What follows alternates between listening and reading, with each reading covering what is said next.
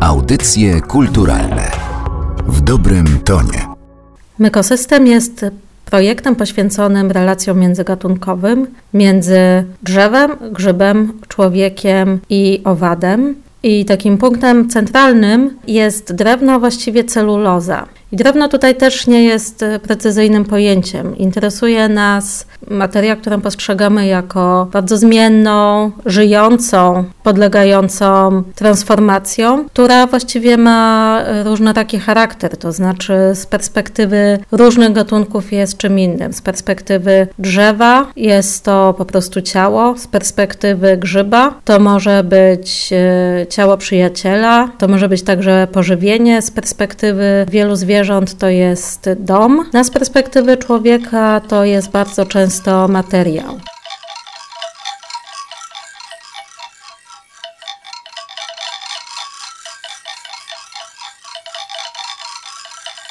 I my oczywiście tutaj używamy tego drewna jako materiału w formie zarówno drewnianej instalacji, jak i e, druków i elementów papierowych, które są zrobione z celulozy, ale traktujemy je w taki sposób, e, żeby tych przedmiotów nie wyrywać z naturalnego obiegu materii. Interesuje nas ten obieg w takim kontekście ekosystemu, w kontekście jakby bardzo biologicznym, a nie tylko w kontekście gospodarczym czy, czy związanym z z gospodarką odpadami. I w ten sposób staramy się pracować z tym materiałem, żeby zarówno wziąć pod uwagę to, jak on powstał, że on powstał jako wynik współpracy międzygatunkowej, tak zwanej mykoryzy, między drzewem a grzybem. I tutaj mało kto wie, e, że większość, 90% roślin wchodzi w taką bardzo bliską, intymną relację z grzybami i dzięki temu rośliny mają lepszy dostęp między innymi do wody, natomiast grzyby dostają produkty fotosyntezy, między innymi cukry. Tak więc to, że drzewa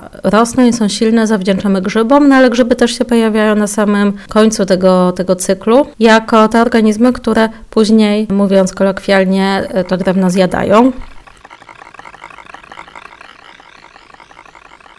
W międzyczasie także pojawia się dużo innych bohaterów, y, o których także tutaj mówimy, i tymi bohaterami są także zwierzęta, przede wszystkim owady, takie jak różnego rodzaju chrząszcze, w tym korniki, które w którymś momencie zasiedlają takie drewno, takie drzewo, które już jest y, chore i wprowadzają do środka grzyby i dzięki temu później takie drzewo, kiedy ono umiera, no, no tak czy siak w którymś momencie umiera, staje się tak zwaną piastunką, to znaczy staje się też takim nowym środowiskiem życia, takim nowym habitatem. I bardzo często wśród y, ekologów, wśród biologów mówi się, że w takim martwym drewnie jest dużo więcej życia niż y, w drewnie, które jest żywe. Gdzieś w którymś momencie oczywiście się pojawia ten człowiek, czyli my, który wykorzystuje to drewno i tworzy z niego przedmioty. No i naszym tutaj, naszą ambicją yy, i naszym celem było taka praca z tymi materiałami, żeby one później mogły e, bez większych przeszkód e, z powrotem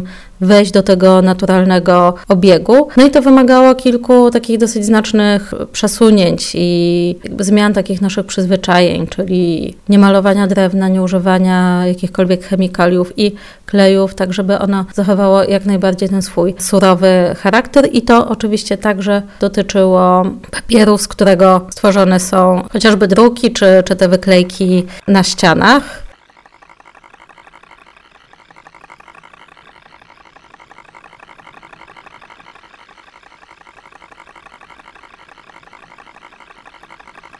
W całej wystawie nam bardzo zależało na tym, żeby podkreślić taką relacyjność, to znaczy podkreślić to, że nasza perspektywa ludzka jest jedną z wielu bardzo możliwych perspektyw. I tutaj w taki dosyć subtelny sposób próbujemy jakoś dyskutować, czy, czy wręcz zakwestionować wciąż dominujący, zwłaszcza w zachodnim świecie, paradygmat antropocentryczny, który mówi o tym, że ten człowiek jest jednak centrum wszechświata i perspektywa, czy przynajmniej centrum świata jest dominującym y, gatunkiem i z perspektywy tego gatunku, naszego gatunku postrzegamy relacje w przyrodzie i my bardzo staramy się, y, żeby by tutaj wybrzmiało ta, ta relacyjność, to znaczy to, że my także możemy starać się zmienić perspektywy i temu służy ta mm, podziałka. Jeśli e, staniemy przy podziałce, widzimy, gdzie tak naprawdę jesteśmy, używając takich najprostszych kryteriów, chociażby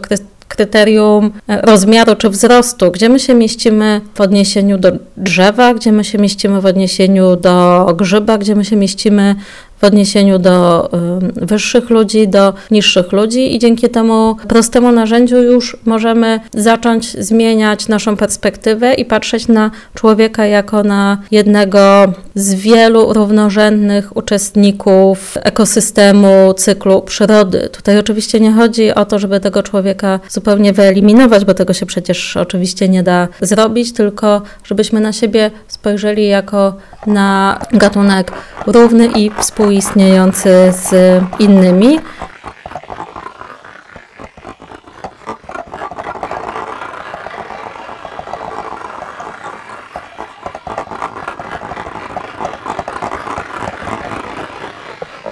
to, co właściwie ten, to przesłanie, z którym chcielibyśmy, żeby wszyscy zostali po tej wystawie, brzmi wolność, równość, symbioza.